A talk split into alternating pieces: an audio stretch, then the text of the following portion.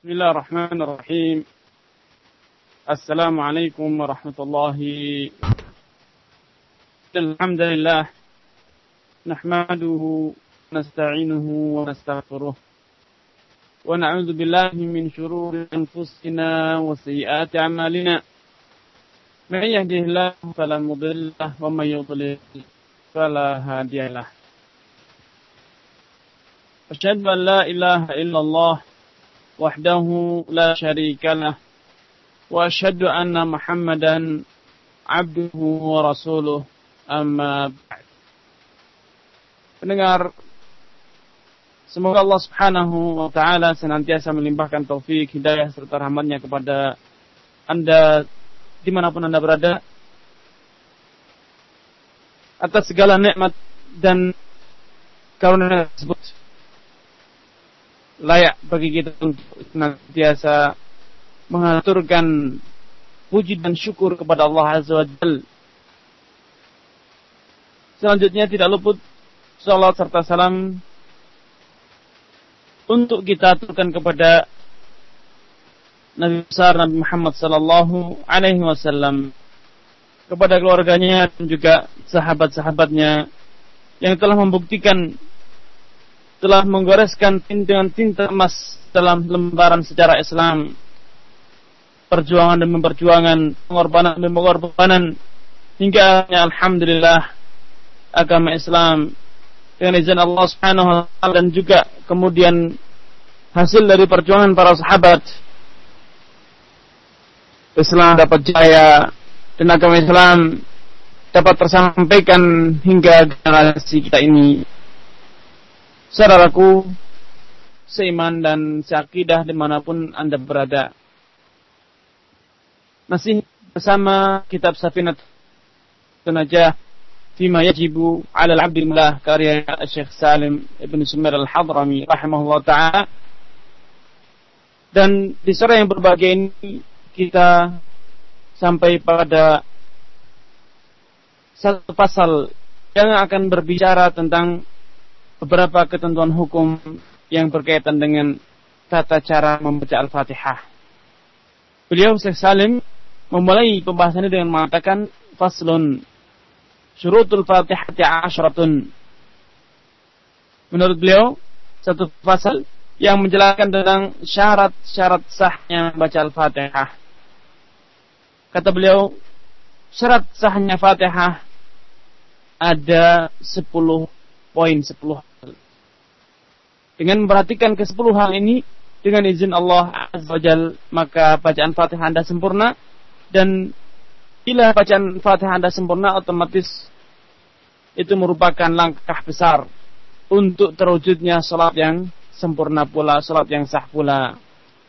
Yang demikian itu dikarenakan kiraatul Fatihah, bacaan Al-Fatihah merupakan salah satu rukun dari ibadah salat kita merupakan salah satu rukun dari ibadah sholat kita. Dan para ulama terlebih ulama yang para ulama yang tergolong dalam tiga mazhab Maliki, Syafi'i dan Hambali telah sepakat bahwa bacaan Al-Fatihah adalah rukun. Mereka berdasarkan berdalilkan dengan berbagai dalil yang terdapat dalam Al-Quran dalam Sunnah Rasulullah SAW. Di antaranya Rasulullah SAW bersabda, La salata liman lam yaqra bi Fatihatil Kitab. Tidak sah, tidak tidak akan diterima seorang yang tidak membaca Al-Fatihah di dalamnya. Dalam hadis lain Rasulullah sallallahu alaihi wasallam dengan tegas mengatakan la tudzi'u salatun la yuqra'u fiha bi ummil Qur'an. La tudzi tidak sah. Salat yang padanya tidak dibaca Fatihatul Kitab atau Ummul Quran yaitu Al-Fatihah.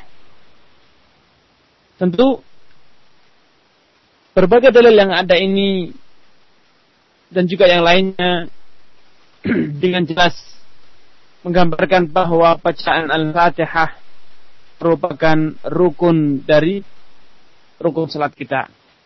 Karena seperti tadi saya nyatakan tiga madhab Maliki, Syafi'i, dan Hambali sepakat untuk mengatakan bahwa Al-Fatihah atau kan rukun dari salat kita.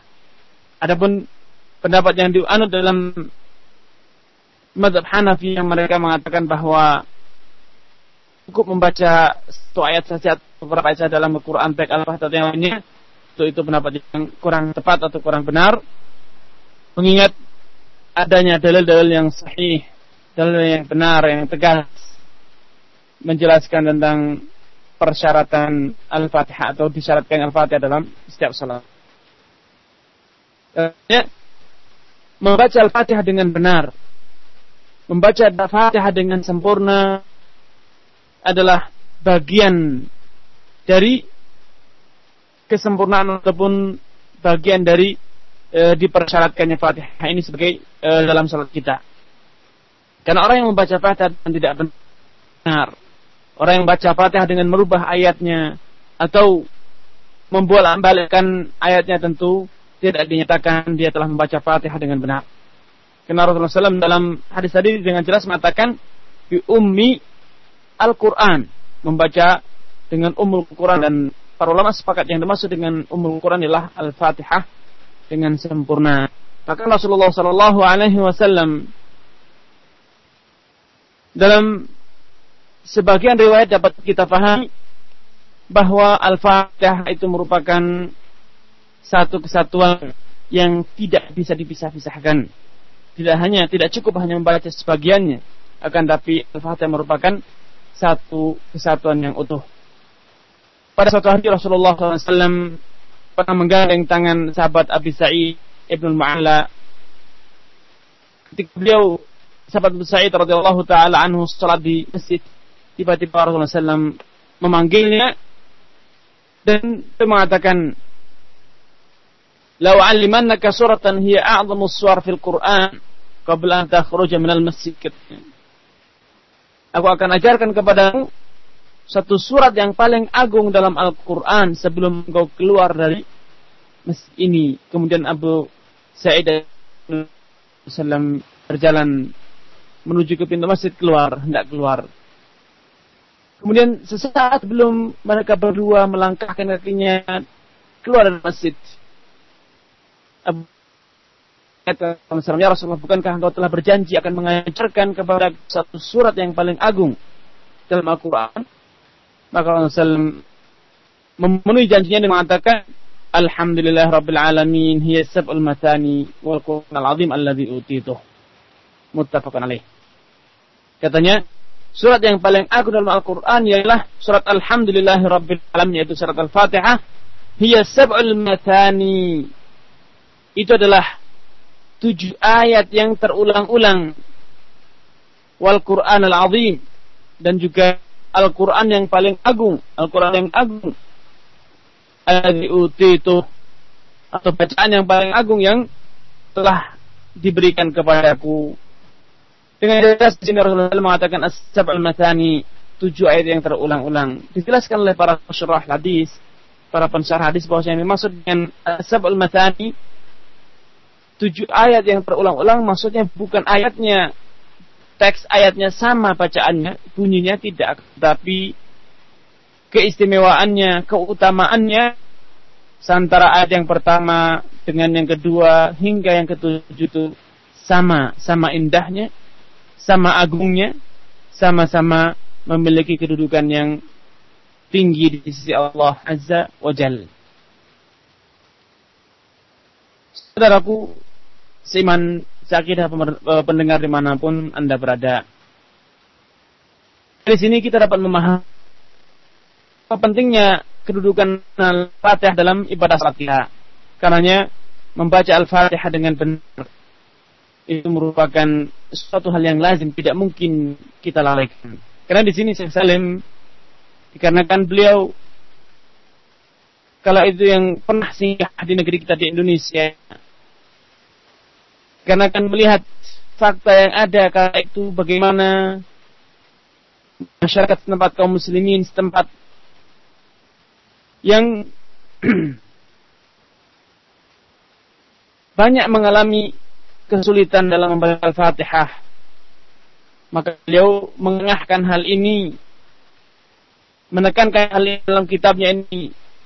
Kitab yang beliau khususkan untuk menjelaskan hal-hal prinsip dalam ibadah kaum muslimin. Seperti yang beberapa kali saya ingatkan, saya syaratkan bahwa kitab Fitnatun Najah ini banyak sekali meninggalkan hal-hal yang sunnah, tidak sengaja dengan sengaja tidak menyebutkan yang sunnah dan hanya mencukupkan dengan hal-hal yang prinsip kondisi kaum muslimin yang ada kala itu di saat penulisan kitab ini. Walaupun demikian, ternyata Syekh memberikan perhatian spesial tentang tata cara membaca Fatihah yang benar.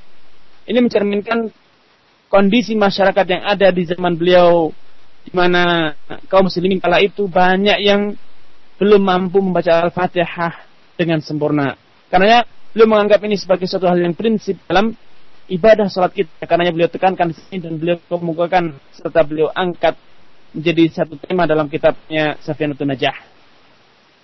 Nah, dari persyaratan persyaratan salat yang dikemukakan oleh Sesal dan ini merupakan penjelasan juga oleh ulama uh, penjelasan ulama sebelum beliau bukan hanya sekedar Salim semata akan tapi dalam kitab-kitab ulama Syafi'iyah hal ini juga telah ditekankan Nah, syarat pertama dari sahnya Al-Fatihah menurut Syekh Salim di sini juga para ulama yang lainnya ialah at-tartib. Kita membaca Al-Fatihah dengan tertib urutan seperti yang ada dalam Al-Qur'an. Dimulai dengan bismillahirrahmanirrahim al Syafi'i kemudian lanjutkan alhamdulillah rabbil alamin arrahmanir rahim hingga akhir uh, ayat dalam Al-Fatihah seperti yang ada dalam mushaf. Seperti yang ada dalam Al-Qur'an Al-Karim. Aja dengan tertib. Adapun kalau ada orang yang dengan sengaja membaca Al-Fatihah dengan tidak murattab dengan dibolak-balik maka para ulama dalam ketiga madhab madhab syafi'i, madhab maliki dan juga madhab hambali bisa dikatakan telah bersepakat bahwa orang yang membaca Al-Fatihah dengan tidak murattab dengan tidak berurutan agar lebih dibolak-balik berarti dia telah atau belum membaca Al-Fatihah dengan sempurna sehingga otomatis sholatnya pun belum sah. Dan mungkin Anda tidak ragu tentang uh, ketentuan harus berurutan dimulai dari Bismillahirrahmanirrahim hingga waladhdallin. Selanjutnya persyaratan kedua atau syarat dari Fatihah yang kedua ya wal mualah membaca Al-Fatihah dengan berkesinambungan tidak diputus-putus tidak dihenti berhenti sejenak kemudian dilanjutkan akan tetapi baca Al-Fatihah dilakukan dengan al-mualah dengan kesinambungan tidak diputus dengan jeda yang panjang. Misalnya membaca bismillahirrahmanirrahim alhamdulillah rabbil alamin dan terdiam untuk beberapa saat dan barulah lanjutkan dengan Ar-Rahmanir Rahim. Fatihah yang benar? Ialah membaca Fatihah. Dari ayat yang pertama berkesinambungan dengan ayat yang kedua, ketiga dan seterusnya. Nah, tentu as-sukutu tawil terdiam yang cukup lama menjadikan pertama kandungan makna Al-Fatihah itu tidak sempurna Kemudian yang kedua, mengesankan adanya sikap yang tidak santun terhadap ibadah sholat. Kecuali kalau diamnya itu adalah dikarenakan suatu alasan yang dapat diterima dalam syariat. Misalnya karena batuk atau misalnya karena alasan yang lain. Misalnya dalam peperangan baca sholat, uh, sholat sambil berperang misalnya atau dikarenakan tersedak atau alasan yang lain maka insya Allah ini tidak masalah kan tapi kalau dengan sengaja terdiam dalam waktu yang lama sehingga ini akan merusak kandungan al-fatihah makna al-fatihah. Kemudian kedua juga menimbulkan adanya kesan meremehkan ibadah salat. Tentu diam dalam waktu yang lama ini tidak sepatutnya dilakukan tidak sepatutnya dilakukan dengan alasan yang telah disebutkan di atas. Dan alasan selanjutnya dikarenakan Rasulullah Shallallahu Alaihi Wasallam ketika beliau salat beliau senantiasa membaca Al-Fatihah dengan mualah dengan penambungan bukan diputus-putus. Padahal Rasulullah SAW telah menegaskan satu prinsip dalam ibadah ibadah salat dan juga yang lainnya beliau mengatakan Sallu kama ra'aitumuni usalli. Salatlah sebagaimana kalian menyaksikan aku salat sekarang ini. Nah, di sini dengan jelas bahwasanya mutaba'ah Rasulullah SAW meneladan Rasulullah SAW dalam membaca Fatihah tidak akan terwujud kecuali dengan membaca Fatihah dengan mualah, dengan berkesinambungan. Selanjutnya persyaratan ketiga mura'atu hurufiha wa mura'atu tasydidatiha yaitu benar-benar membaca seluruh huruf-huruf Fatihah dan juga seluruh tasdidat uh, seluruh tanda tasdid dalam Fatihah. Misalnya ketika kita membaca Alhamdulillahirabbil alamin kita betul-betul membaca dan wakaf berhenti pada huruf alamin dengan huruf nun. Wakaf di huruf nun, berhenti di huruf nun. Akan tapi bila kita berhenti dengan mengatakan alhamdulillahi rabbil alamin tidak ada nunnya. Maka berarti kita telah menghilangkan satu huruf dalam Al-Fatihah. Dan akan merusak makna. Atau kita mengatakan misalnya ketika kita mengatakan an'amta, kita mengatakan am alaihim. Kita hilangkan huruf ta misalnya. Maka ini tentu akan merusak merusak kandungan arti Al-Fatihah.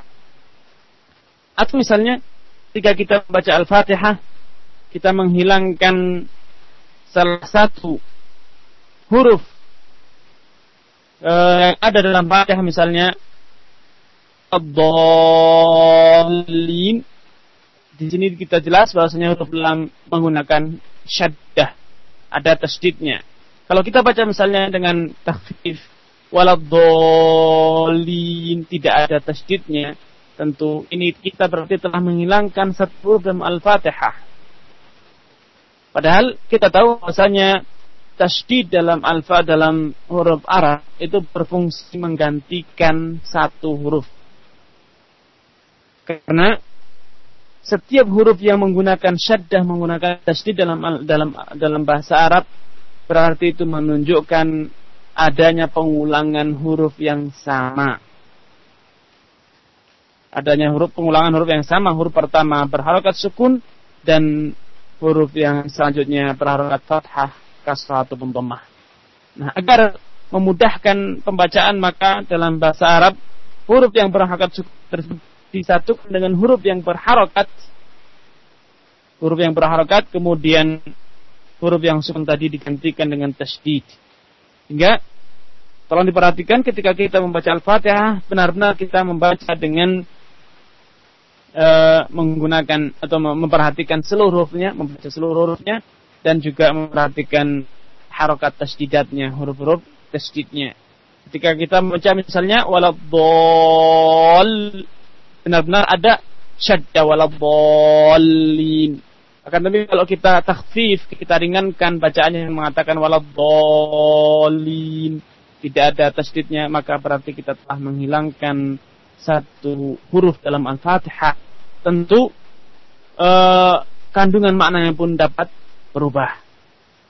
Dolin artinya sesat.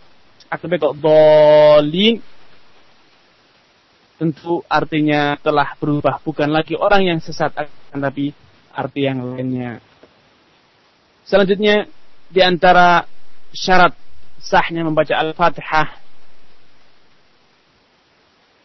wa alla yaskuta sakatan tawilatan wala qasiratan yaqsidu biha qat al-qiraati dan hendaknya ketika kita membaca Al-Fatihah kita tidak memiliki niat untuk menghentikan bacaan Al-Fatihah baik dengan terdiam sesaat ataupun terdiam dalam waktu yang lama karena seperti tadi dikemukakan di atas bahwa Al-Fatihah adalah merupakan satu surat yang utuh.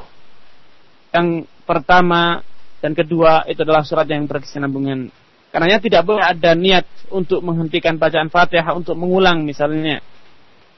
E, bacaan isti'adah ataupun bacaan istiftah. Misalnya ketika Anda sedang membaca Bismillahirrahmanirrahim, Alhamdulillah Rabbil Alamin, Ar-Rahim. Kemudian teringat bahwasanya Anda belum membaca isti'adah, belum membaca A'udzubillahi minasyaitonirrajim atau belum membaca istiftah. Kemudian Anda berhenti ingin menghentikan bacaan Al-Fatihah dan kembali membaca istiftah atau membaca isti'adah. Namun kemudian Anda mengurungkan niat tersebut dan melanjutkan bacaan Fatihah. Nah, adanya niat menghentikan bacaan Fatihah ini menjadikan rangkaian Al-Fatihah terputus antara yang satu dengan yang lainnya.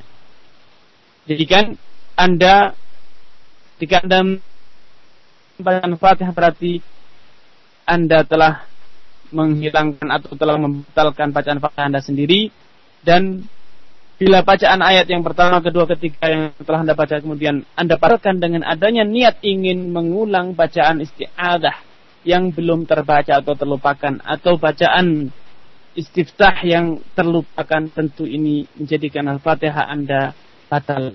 Bacaan Al-Fatihah Anda batal. Karena di sini Syekh Syekh Salim menekankan bila Anda misalnya dalam kasus semacam ini telah terlalu atau terlupakan membaca isti'adah terlupakan membaca uh, istiftah maka tidak perlu Anda mengulang dan lanjutkan saja Al-Fatihah tidak perlu Anda menghentikan bacaan Al-Fatihah Anda karena dengan adanya niat memutuskan uh, bacaan Fatihah ini tentu Anda telah membatalkan bacaan Fatihah Anda karena Rasulullah SAW seperti dalam hadis Abdullah Umar bin Khattab radhiyallahu taala telah menegaskan innamal a'malu binniyat. Jadinya setiap amalan itu pastilah disertai dengan niat. Wa manawa. Dan setiap orang itu akan mendapatkan balasan atau mendapatkan hasil sesuai dengan apa yang dia niatkan. Tidak diragukan ketika Anda telah meniatkan ingin menghentikan bacaan Fatihah dan kemudian ingin mengulang kembali kepada awal salat Anda yaitu dengan membaca isti'adah terlebih dahulu, atau membaca istiftah terlebih dahulu, berarti Anda dan niat Anda tersebut telah membatalkan dan menggugurkan bacaan Fatihah Anda. Tentu karena Anda telah meniatkan menggugurkan bacaan Fatihah berarti salat Anda ketika Anda langsung melanjutkan bacaan misalnya ketika Anda alhamdulillah alamin kemudian nanti ingin kembali kepada istiadah namun kemudian Anda mengurungkan lagi niat ini dan melanjutkan bacaan Fatihah Rahmanur Rahim. Misalnya, berarti Fatihah Anda tidak berkesinambungan. Karena pesan saya, bila Anda lupa bacaan isti'adah atau lupa bacaan istiftah, sedangkan Anda telah telanjur membaca Al-Fatihah, memulai bacaan Al-Fatihah, maka tidak perlu Anda berhenti untuk mengulang isti'adah atau e, istiftah akan tapi lanjutkanlah bacaan Fatihah Anda. Karena Dua alasan. Yang pertama karena Anda tidak boleh menghentikan atau memutus bacaan Fatihah dan mengurungkannya. Kemudian kedua, dikarenakan isti'adah dan istiftah adalah amalan sunnah sedangkan Al-Fatihah adalah amalan wajib. Tentu tidak benar membatalkan atau menghentikan amalan wajib hanya karena memberatkan amalan. Selanjutnya syarat sahnya kiraatul Fatihah atau bacaan Fatihah selanjutnya ialah kiraatu kulli ayatiha membaca seluruh ayat Al-Fatihah. Tentu ini bagi orang yang telah menghafal Al-Fatihah. Bagi orang yang telah hafal Al-Fatihah. Adapun orang yang belum hafal Al-Fatihah, maka ada uzur baginya untuk tidak membaca Al-Fatihah atau hanya membaca sebagian dari surat Al-Fatihah saja. Misalnya orang yang mu'allaf baru masuk Islam, ia belum hafal Al-Fatihah. Ia belum hafal Al-Fatihah. Ia hanya hafal dua tiga ayat saja. Maka dalam kondisi seperti ini, para kata para ulama, ia diperintahkan untuk mengulang-ulang ayat yang telah dia hafal hingga dia benar-benar membaca tujuh ayat membaca tujuh ayat sejumlah ayat dalam Al-Fatihah. Atau kalau dia tidak bisa membaca Al-Fatihah sama sekali, karena dia baru masuk Islam, maka dia boleh membaca bacaan yang lain yaitu yang berupa bacaan tasbih dengan mengatakan subhanallah walhamdulillah illallah wallahu akbar wa haula wala quwata illa billah. Ini bagi orang yang belum menghafal Al-Fatihah. Sebagaimana yang diriwayatkan oleh sahabat Abdullah bin Abi Aufa beliau mengisahkan ja'a rajulun ila sallam faqal ada seorang lelaki yang datang kepada Rasulullah dan ia berkata, Ya Rasulullah, ini la astati'u an akhudha syai'an minal Qur'an fa'alimni ma yazi'uni. Ya Rasulullah, aku tidak bisa menghafal satu surat pun dalam Al-Quran. Maka ajarkan kepadaku bacaan yang dapat mewakili bacaan-bacaan Al-Quran dalam salatku. Maka Rasulullah SAW mengajarkan kepadanya, Kul, ucapkanlah, Subhanallah, walhamdulillah, wa la ilaha illallah, Wallahu akbar wala haula wala quwata illa billah.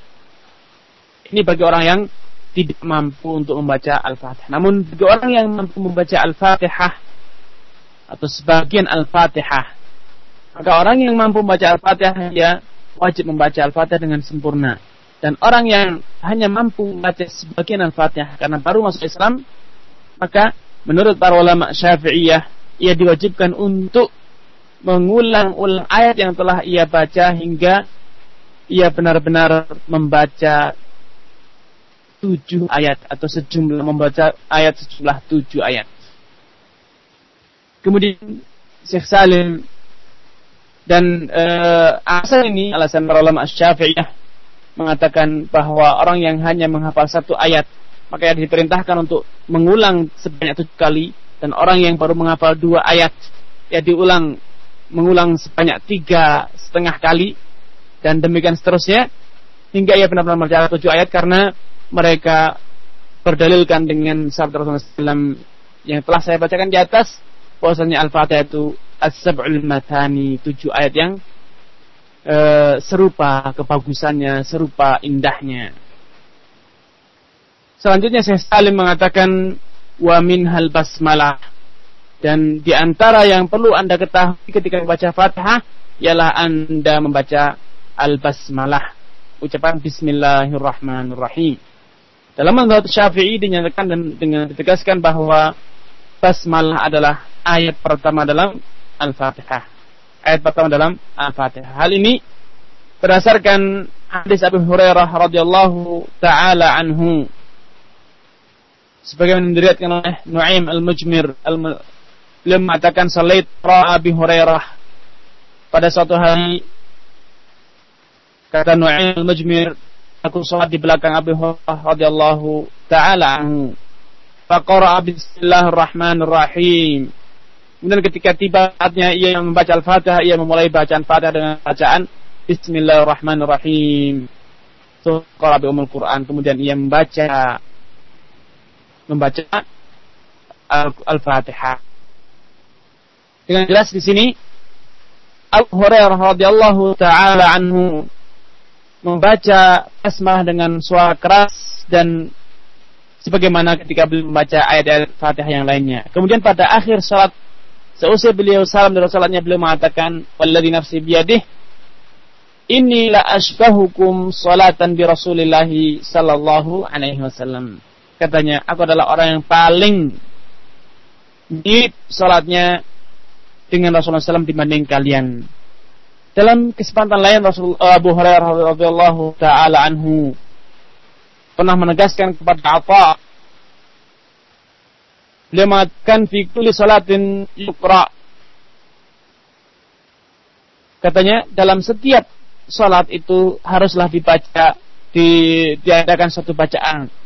Dan tentunya dimaksud oleh sahabat Abu Hurairah ialah bacaan Al-Fatihah Kemudian beliau mengatakan fama asma'ana Rasulullah sallam asma'nakum. Segala yang segala bacaan yang oleh Rasulullah SAW didengarkan kepada kami, maka kami pun akan memperdengarkan kepada kalian. Wa ma akhfa anna akhfaina ankum. Dan segala bacaan yang oleh Rasulullah SAW dibaca dengan lirih sehingga tidak kami dengar maka kami pun membacanya dengan lirih sehingga kalian pun tidak mendengar dari kami. Wa illam tajid ala umil Quran adza'at. Dan bila engkau dalam salatmu hanya mencukupkan diri dengan bacaan Fatihah maka itu sudah cukup. Bukan zidda fahuwa khairun. Namun bila Anda menambah dengan bacaan surat yang lainnya, maka itu lebih baik. Rawahu Syekhan. Hadis ini atau pernyataan Abu Hurairah radhiyallahu taala anhu ini diriwayatkan oleh Syekh Imam Bukhari dan Muslim. Dengan jelas di sini Abu Hurairah menjelaskan kepada para murid-muridnya bahwa segala yang oleh Rasulullah SAW dibaca dengan jahar, dengan keras, maka oleh Abu Hurairah dibaca dengan keras. Dan segala yang dibaca dengan lirih, maka Abu Hurairah pun turut membaca dengan lirih. Dan telah saya riwayatkan tadi supaya sebutkan riwayat tadi di atas bahwa Abu Hurairah ketika salat biasa memperdengarkan bacaan basmalah. Nah, hadis Abu Hurairah ini menjadi dalil yang kuat dalam hadis yang sahih ini yang disahkan oleh Ibnu Khuzaim Al-Hakim dan juga yang lainnya. Ini menjadi dalil yang kuat bagi ulama Syafi'i untuk mengatakan bahwasanya bacaan basmalah itu telah dikeraskan. Namun klaim atau pendapat ulama-ulama syafi'i yang mengatakan bahwasanya baca abbas malah harus dikeraskan ini ternyata tidak disepakati oleh ulama yang lainnya termasuk ulama-ulama yang berafiliasi madhab hambali misalnya mereka beralasan bahwa bacaan al-fatihah dalam banyak riwayat atau dalam banyak riwayat yang menjelaskan tentang tata cara salat Nabi SAW di sana dijelaskan bahwa Rasulullah SAW tidak memperkeraskan bacaan basmalah. Ini mencerminkan bahwa uh, bacaan basmalah itu tidak termasuk di Al-Fatihah. Tidak termasuk bagian dari Fatihah. Terlebih Abu Hurairah sendiri radhiyallahu taala pernah meriwayatkan satu hadis yang mengatakan atau hadis qudsi yang mengatakan qasamtus salata baini wa baina 'abdi nisfain. Aku membagi salat antara diriku dan hambaku kata Allah Azza wa Jal menjadi dua bagian. Dan menurut para pensyarah hadis yang dimaksud dengan kata-kata as-salah di sini adalah bacaan Al-Fatihah. Kemudian Allah Azza wa Jalla dalam hadis qudsi ini mengatakan, "Fa idza qala alhamdulillah rabbil alamin, qala hamidani 'abdi." Kalau seorang yang sedang sholat itu membaca Alhamdulillah Rabbil Alamin, maka Allah akan menimpalinya dengan mengatakan Hamdan ya abdi, hambaku telah memujiku. Wa idza qala Ar-Rahman Ar-Rahim, qala atna alayya abdi. Dan bila ia membaca Ar-Rahman Ar-Rahim, berarti ia telah Allah Subhanahu wa taala menimpalinya dengan mengatakan atna alayya abdi, hambaku telah menyanjungku.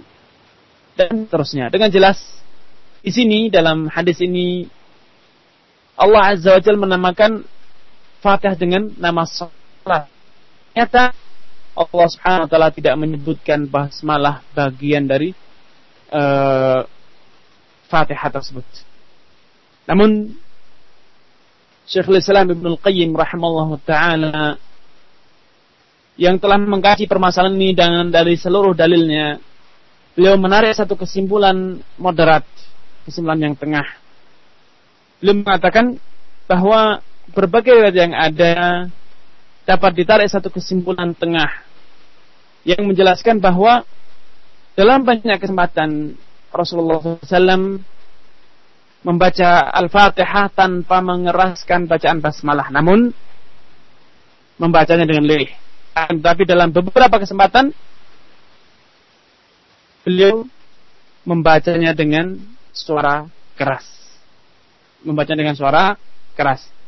Dengan demikian, hadis Abu Hurairah ini atau riwayat Abu Hurairah ini dapat disinkronkan dengan hadis riwayat Anas bin Malik yang mengatakan an salaitu khalfan Nabi sallallahu wa Abi Bakr wa Umar wa Uthman kanu yastaftihuna bilhamdillahi rabbil alamin la yadkuruna bismillahirrahmanirrahim fi awal qiratin wala fi akhiriha katanya.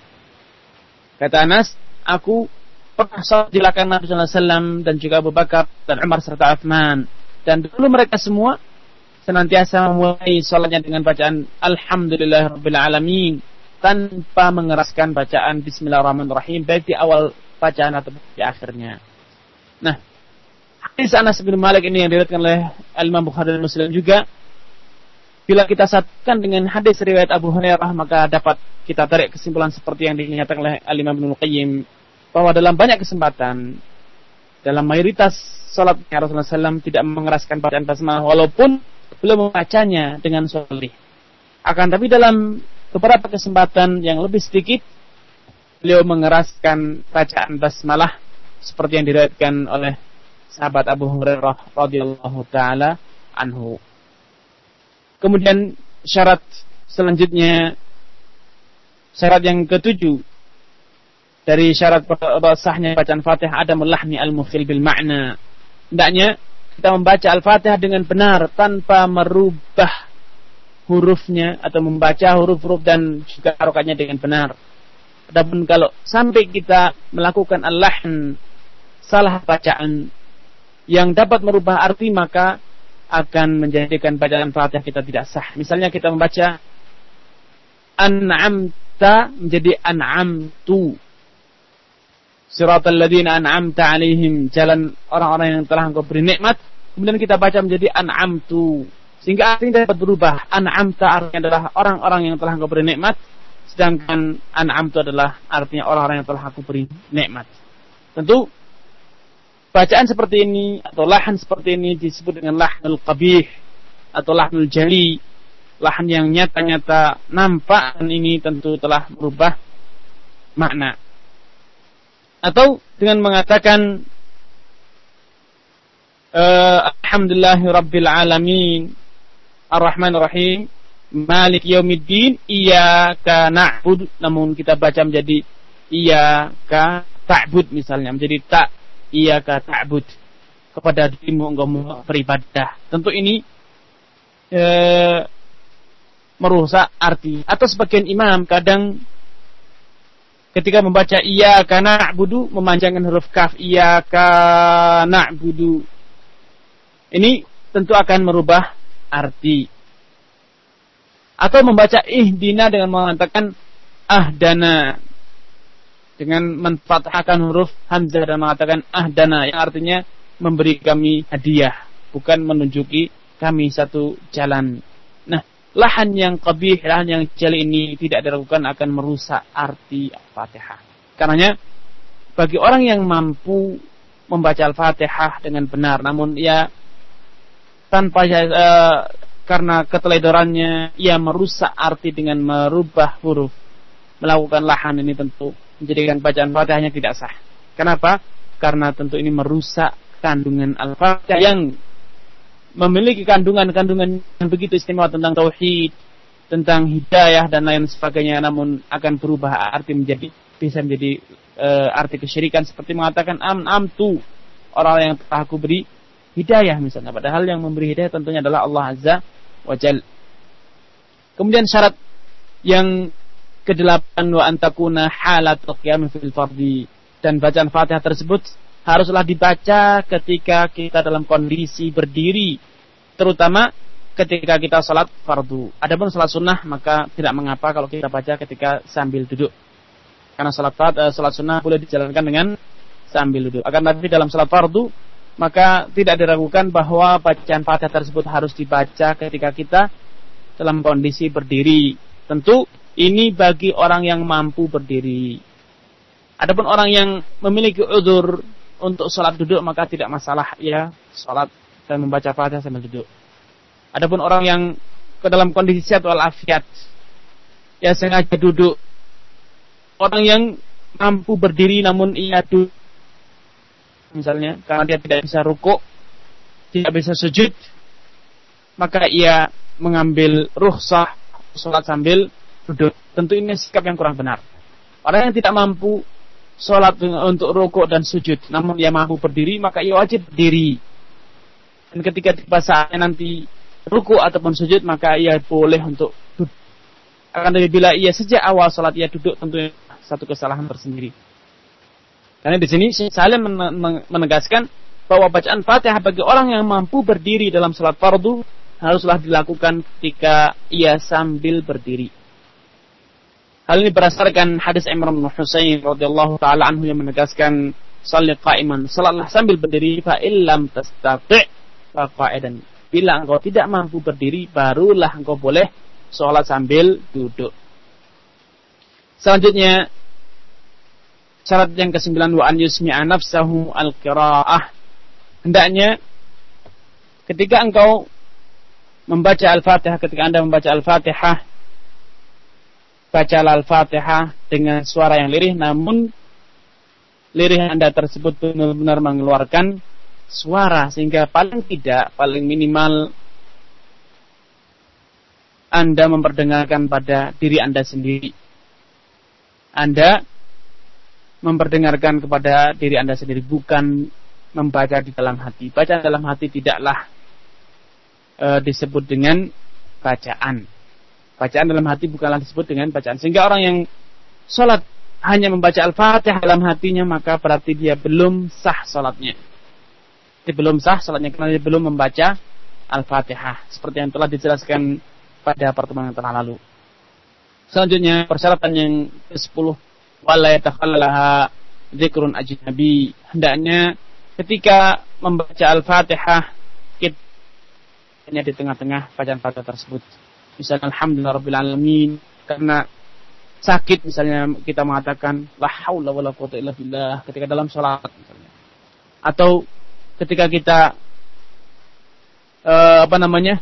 dalam bacaan Fatihah sedang alhamdulillah rabbil alamin rahim di tengah-tengah tersebut kita mendengarkan azan, kita sambil menjawab azan misalnya, as-salat uh, hayya 'alal falah, kita baca misalnya la haula wa quwata illa billah atau kita membaca syahadu la ilaha illallah ketika dalam salat tentu ini tidak dibenarkan. Atau ketika kita sedang salat mendengar orang Assalamualaikum kemudian kita jawab Waalaikumsalam tentu ini akan uh, ibadah salat kita merusak Fatihah kita. Hal ini berdasarkan tentang Abdurrahman Sulami radhiyallahu taala yang ketika beliau salat ke Madinah, salat bersama Rasulullah SAW, namun di tengah-tengah salat ada salah seorang sahabat yang tatha'ub, yang menguap. Dan dia mengucapkan Alhamdulillah. Bacaan yang serupa dan semana dengan bacaan Fatihah. Maka Abdurrahman Sulami, karena dia belum memahami, ia menjawab bacaan tersebut dan mengatakan, Yarhamukallah Semoga Allah Subhanahu wa taala merahmatin. Maka para sahabat segera mengisyaratkan agar Abdurrahman Sulami diam, tidak mengulang perbuatannya. Namun karena ia tidak memahaminya, Abdurrahman Sulami malah semakin masuklah celaka aku, sial aku. Apa yang maka seusai Salat Rasulullah SAW memanggil beliau dan mengingatkan, mengajarkan kepada beliau bahwasanya salat itu tidak layak untuk digunakan sebagai tempat bercakap-cakap atau berbincang-bincang atau mengucapkan hal yang di luar bacaan salat ini kata Rasulullah SAW bacaan salat yang adalah qiraatul Quran dzikrulillah bacaan Al-Quran dan juga zikir kepada Allah Azza wa Jal. Dengan demikian dengan memahami atau menerapkan mengindahkan ke sepuluh persyaratan ini dengan mengindahkan 10 persyaratan ini dengan izin Allah bacaan Al-Fatihah kita akan diterima atau bacaan Fatihah kita telah sempurna.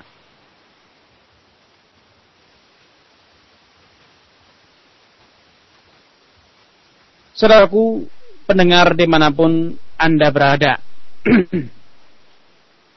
Sebagai seorang muslim yang memiliki semangat untuk mendirikan salat sempurna seperti yang dilakukan Rasulullah SAW, tentu Anda layak untuk memberikan perhatian spesial, perhatian yang khusus kepada bacaan Fatihah Anda agar benar-benar bacaan Fatihah Anda sesuai sesuai dengan jalan oleh Rasulullah sallallahu alaihi wasallam.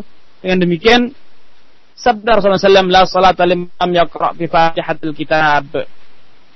Tidak sah salat orang yang tidak membaca Fatihatul Kitab ini benar-benar dapat kita jalankan sehingga Fatihah dapat kita baca dengan sempurna dan selanjutnya salat kita pun e, menjadi salat yang sempurna pula seperti yang dicontohkan oleh Rasulullah Sallallahu Alaihi Wasallam. Ini yang bisa disampaikan pada kesempatan yang berbahagia ini. Semoga Allah Subhanahu Wa Taala senantiasa menambahkan kita ilmu yang bermanfaat dan amal yang saleh dan menjadi kita termasuk orang-orang yang setiap salatnya, setiap dikirnya diterima Allah Azza wajal.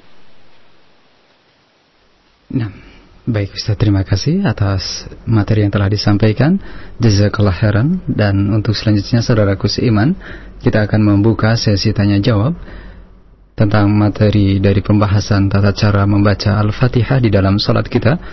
Bagi Anda kami berikan kesempatan untuk via telepon 0218236543 atau melalui pesan singkat di 0819896543 dan untuk yang pertama kami angkat dari telepon di kesempatan sore hari ini. Halo. Halo. Iya. Assalamualaikum. Waalaikumsalam warahmatullah. Silakan. Ini dari Pak Rusdi Klender. Silakan Bapak. Uh, gini Ustaz, Assalamualaikum Ustaz. Waalaikumsalam warahmatullahi wabarakatuh. Uh, bagaimana kalau kita dalam sholat berjamaah itu membaca uh, Fatihahnya tidak tuntas, maksudnya kita baru sampai iya kena budu, Iya. uh, imamnya udah ruku gitu. Kalau kita Iya. nunggu ke, ke, kejauh ketinggalan gimana itu Iya. Baik. Ya. Terima kasih Bapak Sidik. Ya. Nah, silakan Ustaz. Eh, pertama-tama saya ucapkan terima kasih kepada Bapak Sidik dan semoga Allah Subhanahu wa taala senantiasa melimpahkan taufik hidayah serta kerahmatan kepada Bapak Sidik dan keluarga atas kerendahan hati Bapak menyimak dan menemani kita di sore yang berbahagia ini. Eh, bagi imam atau bagi makmum, bagi orang yang di belakang imam atau lebih ketika dia masbuk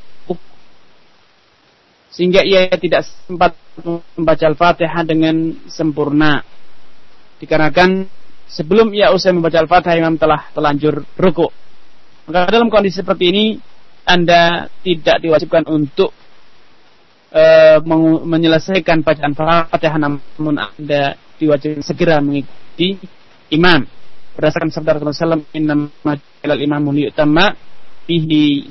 Artinya diadakannya imam itu untuk diikuti. Bila kabbara fakabbiru. Bila ia telah bertakbir maka seralah kau bertakbir. Bila qara'a fa ansid Kemudian Rasulullah SAW mengatakan, "Idza raka'a farka'u" dan bila ia rukuk maka segeralah engkau rukuk. Dan dalam lain dalam hadis lain Rasulullah SAW mengatakan al imamu dhaminun wal muadzinu mu'tamanun. Imam itu bertanggung jawab untuk menanggung salat-salat jamaahnya. Sedangkan muadzin orang yang bertugas menu- menunaikan adzan, mengumandangkan adzan itu orang yang mu'taman mendapat kepercayaan untuk menjaga mengabarkan telah masuk dan keluarnya waktu salat.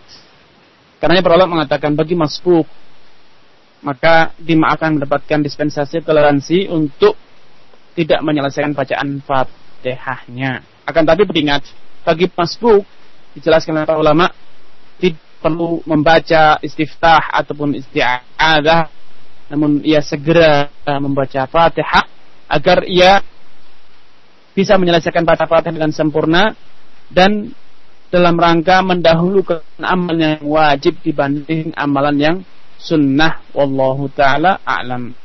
Baik, terima kasih Ustaz atas jawabannya. Di kesempatan kedua kita angkat eh, pertanyaan kembali dari telepon. Sudah ada Abu Dinda di Jakarta. Silakan Bapak.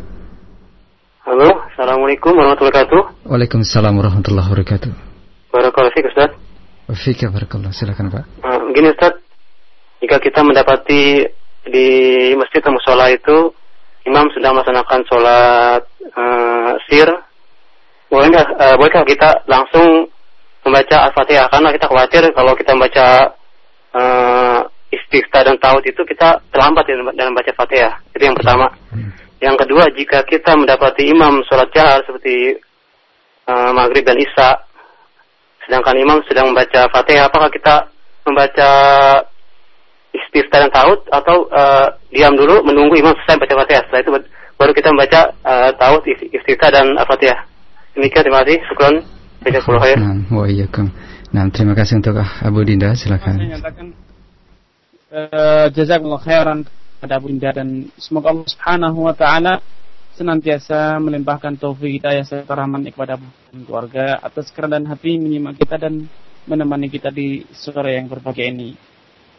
Eh, dalam bagi yang masbuk seperti tadi telah saya sampaikan kepada Bapak Siddiq bahwa bagi yang masbuk maka disyariatkan baginya dianjurkan untuk tidak menyibukkan diri dengan bacaan istiftah ataupun bacaan isti'adah karena bacaan istiftah dan isti'adah itu sunnah sedangkan bacaan fatihah itu adalah hukum hukumnya wajib. Sehingga di antara etika yang hendaknya kita perhatikan adalah kita mendahulukan yang wajib dibanding yang sunnah.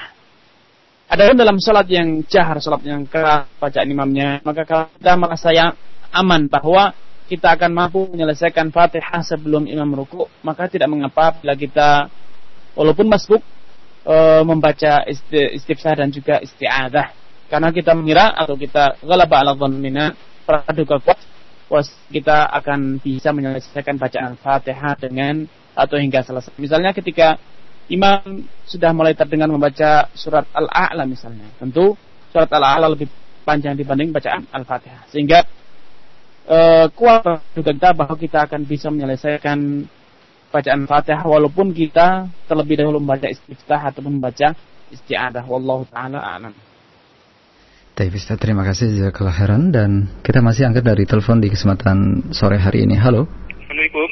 Waalaikumsalam warahmatullahi wabarakatuh. Silakan Pak dari mana? Ya, di Bang Adila di Jakarta. Silakan Bapak. Uh, ini Ustaz, uh, aku mau bertanya uh, setelah mengenal manhaj ini, saya kan uh, imam uh, yang biasa di musola saya itu kan setelah sholat kan zikirnya keras dan dipimpin. Iya. Uh, ketika saya imam, itu ada seorang makmum memimpinnya berzikir dan doa. Hmm. Kemudian saya tidak mengikuti dan uh, makmum itu bersalam-salaman saya duduk aja. Iya. Nah, itu saya termasuk sombong apa enggak Ustaz? Iya, baik. Itu saja Bapak. Iya. Baik, terima kasih Pak. Nah. Assalamualaikum. Waalaikumsalam warahmatullahi wabarakatuh. Silakan Ustaz.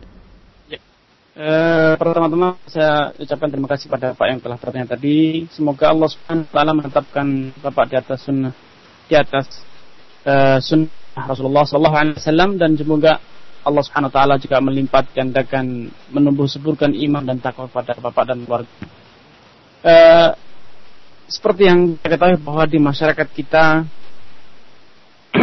awal mulanya ketika mereka membiasakan diri untuk berzikir dengan keras seperti yang dijelaskan oleh Imam Syafi'i dalam kitab Um Imam Syafi'i menjelaskan bahwa tidak mengapa seorang imam untuk mengeraskan bacaan zikirnya seusai sholat dalam rangka mengajarkan kepada makmum bacaan zikir-zikir yang ia baca. Namun tentunya setelah makmumnya pandai dan setelah makmumnya bisa tentu imamnya segera kembali yaitu berzikir dengan sir dengan lirih. Namun masyarakat kita menyelisihi apa yang dijelaskan oleh Al-Imam Syafi'i dalam kitabnya Al-Um. Berzikir secara bersama-sama dengan suara yang keras itu terus menjadi e, kebiasaan yang tidak pernah ditinggalkan. Tentu ini sesuai dengan penjelasan Al-Imam Syafi'i dalam kitabnya Al-Um. Karenanya poin pertama yang saya nyatakan apa yang dilakukan oleh masyarakat ini kurang sesuai dengan apa yang diajarkan oleh Al-Imam Syafi'i rahimallahu taala.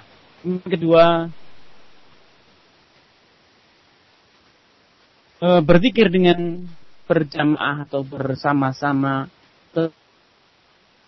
apalagi berdoa dengan bersama-sama tentu ini bukan terus menerus tentu akan menjadikan jamaah atau makmum kita tidak segera belajar dan tidak mandiri sehingga dia salat sendiri tentu ia tidak akan bisa berzikir dengan sempurna seperti yang ia biasa lakukan bersama imamnya. Kemudian ketiga yang perlu kita perhatikan tentu penghayatan akan arti doa serta zikir yang kita ucapkan tidak akan bisa sempurna terlebih kalau kecepatan dalam membaca itu terjadi kesenjangan antara imam dengan makmumnya. Seorang imam yang telah lancar membaca, hafal bacaannya, tentu akan lancar ketika membaca dan menghayatinya. Namun imam makmum tentu tidak akan secepat itu. Sehingga penghayatannya kurang sempurna. Alangkah indahnya kalau makmum membaca sesuai dengan kemampuannya sendiri-sendiri. Dengan daya apa namanya pemahamannya daya penghayatannya sendiri dan juga sesuai dengan kemampuannya. Kemudian ketiga bacaan zikir berjamaah yang keras-keras. Padahal kita tahu masih banyak saudara kita kaum muslimin yang masbuk dalam salatnya. Tentu bacaan zikir kita yang keras tersebut konsentrasi kekhusyuan jemaah yang sibuk sholatnya atau sebagai jemaah yang sudah mulai mendirikan sholat sunnah. Karena saya sarankan Allah Ta'ala alam agar kalau kita sudah pandai berzikir sendiri maka lebih baik kita berzikir sendiri. Namun kalau kita sholat di tengah-tengah masyarakat yang ternyata praktek masyarakat berbeda. Mereka memilih untuk sholat uh, zikir dengan keras-keras bersama dipimpin oleh seorang imam atau yang lainnya untuk menjaga perasaan mereka kalau kita belum mampu menjelaskan belum mampu uh, apa namanya uh, mengajarkan kepada mereka tata cara zikir yang benar maka tidak mengapa kita duduk jika mereka selesai walaupun kita tidak turut zikir bersama mereka demi menjaga perasaan mereka dan demi menghindarkan hal-hal yang tidak baik dan tentu selama kita duduk, tentu kita bisa menyibukkan diri kita dengan dikit-dikit yang kita pahami, atau dengan bacaan Al-Quran, atau dengan doa-doa ataupun pikir-pikir yang lainnya. Allah Ta'ala Baik, terima kasih Ustaz Jazakallah khairan. Untuk selanjutnya kita angkat pertanyaan yang datang dari pesan singkat. Sudah begitu banyak pertanyaan via pesan singkat yang masuk dan e, di antara beberapa penanya menyampaikan pertanyaan yang sama dari uh, Ibu, Bapak Ibu Nur Ahmad di Bekasi, kemudian ada Bapak uh, Yusuf di Bekasi juga yang bertanya hal yang sama. Ustaz di dalam sholat berjamaah, terkadang kita lupa apakah sudah membaca Al-Fatihah ataukah belum. Bagaimanakah sikap kita dan apakah sah uh, rokat atau sholat yang kita lakukan? Jazakallah khairan. Nah, silakan khairan kepada Bapak Ahmad dan juga Bapak Yusuf yang lainnya yang menanyakan permasalahan ini. Semoga Allah Subhanahu wa taala senantiasa mendapatkan dekan pahalanya dan rahmatnya kepada Bapak sekalian atas rendah hati di sore berbagai ini menemani kita bersama. Uh, bagi jamaah yang lupa membaca Al-Fatihah, saya memiliki beberapa uh, poin yang ingin saya sampaikan. Yang pertama, apa yang Bapak alami itu mencerminkan akan rendahnya kekhusyuan Bapak dalam sholat. Mencerminkan Bapak e, selama sholat sering e, lalai memikirkan lainnya sehingga apa yang Bapak kerjakan sendiri saja lupa. Sudah dikerjakan atau belum. Dan inilah seperti yang di sini oleh Rasulullah SAW dalam sabdanya bahwasanya setan itu ketika mendengar azan maka wala wala hudurat lari terbit-bit sampai terkentut-kentut dia dan kalau Adam telah selesai maka dia akbal kembali hadir lagi untuk menggoda kita agar kita tidak sholat.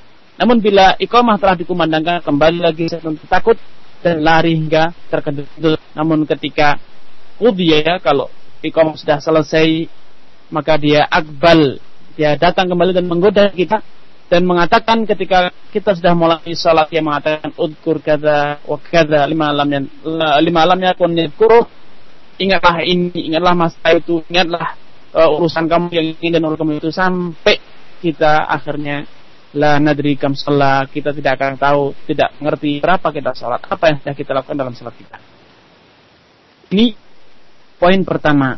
Nah, untuk men men mensiasati atau menghentikan kondisi ini, maka Rasulullah SAW mengajarkan kepada kita untuk meludah ke kiri sebanyak tiga kali dan kemudian membaca istiadah uh, membaca istiadah dan meludah ke kiri sebanyak tiga kali. Insya Allah kita akan bisa uh, membalikan konsentrasi kita dan bisa khusyuk kembali. Kemudian poin kedua yang ingin saya uh, sampaikan pada kesempatan ini, bila anda lupa atau bapak lupa untuk membaca al-fatihah maka solusinya adalah dengan mengulang membacanya, membacanya kembali. Jika masih ada kesempatan untuk membacanya. Yaitu segera kita memulai baca Alhamdulillah dan seterusnya. Namun kalau ternyata imam telanjur rukuk sebelum kita sempat mengulangnya, maka insya Allah itu tidak masalah cukup imam itu menanggung sholat kita. Namun uh, ingat hal-hal seperti ini harus kita tanggulang agar tidak terulang karena biasanya yang terjadi itu kita sudah membaca namun kita lupa apa yang kita baca dan apa yang kita kerjakan karena selama ini sholat kita itu telah menjadi rutinitas sehingga refleks kita kerjakan lisan kita membaca namun hati kita tidak memahaminya wallahu taala alam Baik Ustaz, terima kasih jazakallah khairan atas jawabannya. Di kesempatan selanjutnya masih dari pesan singkat. Ada pertanyaan dari Bapak Abdul Aziz di uh, Bonang, Demak, Jawa Tengah yang bertanya, Ustadz Barakallahu Fik, bolehkah membaca di antara ayat-ayat Al-Fatihah uh, semisal ayat Iya karena abudu wa iya karena nasta'in diulang-ulang sambil kita memohon kepada Allah Subhanahu wa taala dan berdoa dengan ayat-ayat tersebut. Jazakallah khairan ya Ustaz. Uh, terima kasih kepada Bapak Abdul Aziz dari Bonang Demak. Allah Subhanahu wa taala senantiasa melimpahkan taufik rahmat dan hidayahnya kepada Abdul Aziz dan keluarga atas kerendahan hati Bapak menyimak dan menyertai menemani kita di sore yang berbahagia ini. Membaca Al-Fatihah diulang-ulang dikarenakan kita sambil menghayati kandungan makna dari ayat-ayat Fatihah tersebut dengan harapan dengan kita mengulang maka kita semakin menekankan kandungan makna doa tersebut, kandungan makna pada tersebut. Pertama, kalau ini hanya dilakukan sesekali dan itu hanya dalam frekuensi yang pendek sekali diulang atau dua kali diulang, maka insya Allah tidak masalah. Namun tidak sepantasnya ini dilakukan terus menerus karena Rasulullah SAW walaupun beliau menghayati, walaupun beliau memahami, walaupun beliau khusyuk dalam sholatnya, namun beliau tidak mengulang-ulang bacaan Al-Fatihah. Karenanya kalau memang Bapak Abdul Aziz dan juga pendengar yang lainnya benar menghayati kandungan makna ayat Fatihah, maka Bapak membacanya sekali dengan penuh penghayatan, dengan penuh uh, kekhusyuan, maka itu sudah cukup. Allah Subhanahu wa taala telah berjanji dalam hadis qudsi yang mengatakan wali abdi ma'al dan hambaku akan aku beri apa yang ia pinta dalam bacaannya. Dalam ayat dalam hadis kutsi ini, Allah SWT tidak membedakan antara orang yang membaca Fatihah diulang sekali ataupun diulang dua kali atau yang lainnya. Allah Ta'ala alam. Baik Ustaz, terima kasih Jazakallah khairan atas jawabannya. Di kesempatan selanjutnya ada pertanyaan dari uh, Bapak Asrul Joko di Kendari, Sulawesi Tenggara yang bertanya, Ustadz, kebanyakan imam-imam di eh, masjid-masjid uh, kota kami atau khususnya di uh, masjid tempat Bapak Jok, uh, Asrul Joko ini adalah uh, imam yang sudah sepuh Ustaz sehingga bacaan Al-Fatihahnya tidak terdengar dan banyak kesalahan di, uh, dalam bacaannya. Haruskah bagi kami membuat jamaah baru karena melihat atau karena menghadapi kondisi ini jazakallah khairan Ustaz? Terima kasih kepada Pak Asrul Joko dari Kendari atas kerendahan hati Bapak menemani kita di sore yang berbagai ini. Semoga Allah Subhanahu wa taala senantiasa menambahkan taufik hidayah serta rahmatnya kepada Bapak Joko dan keluarga. Kondisi yang terjadi seperti ini bukan hanya di tempat Pak Joko saja, namun juga banyak di daerah-daerah lain, di mana sholat atau di mana masjid-masjid itu sering kali hanya dihuni oleh orang-orang yang telah tua renta, orang-orang yang sudah uh, suaranya sudah tidak jelas, ikan sudah ompong, sudah uh, suaranya sudah cedal misalnya dikarenakan kondisi fisik yang sudah lemah. Ini kondisi yang sangat menunjukkan sekali di mana ini mencerminkan bahwa ibadah salat berjamaah ini sudah dilupakan, dilalaikan oleh mayoritas masyarakat tempat yang hanya menghadiri masjid adalah orang-orang yang sudah eh, tidak memiliki kesibukan lagi selain menanti kematian. Ini mencerminkan akan kondisi sosial masyarakat atau kondisi ibadah masyarakat yang sangat memprihatinkan.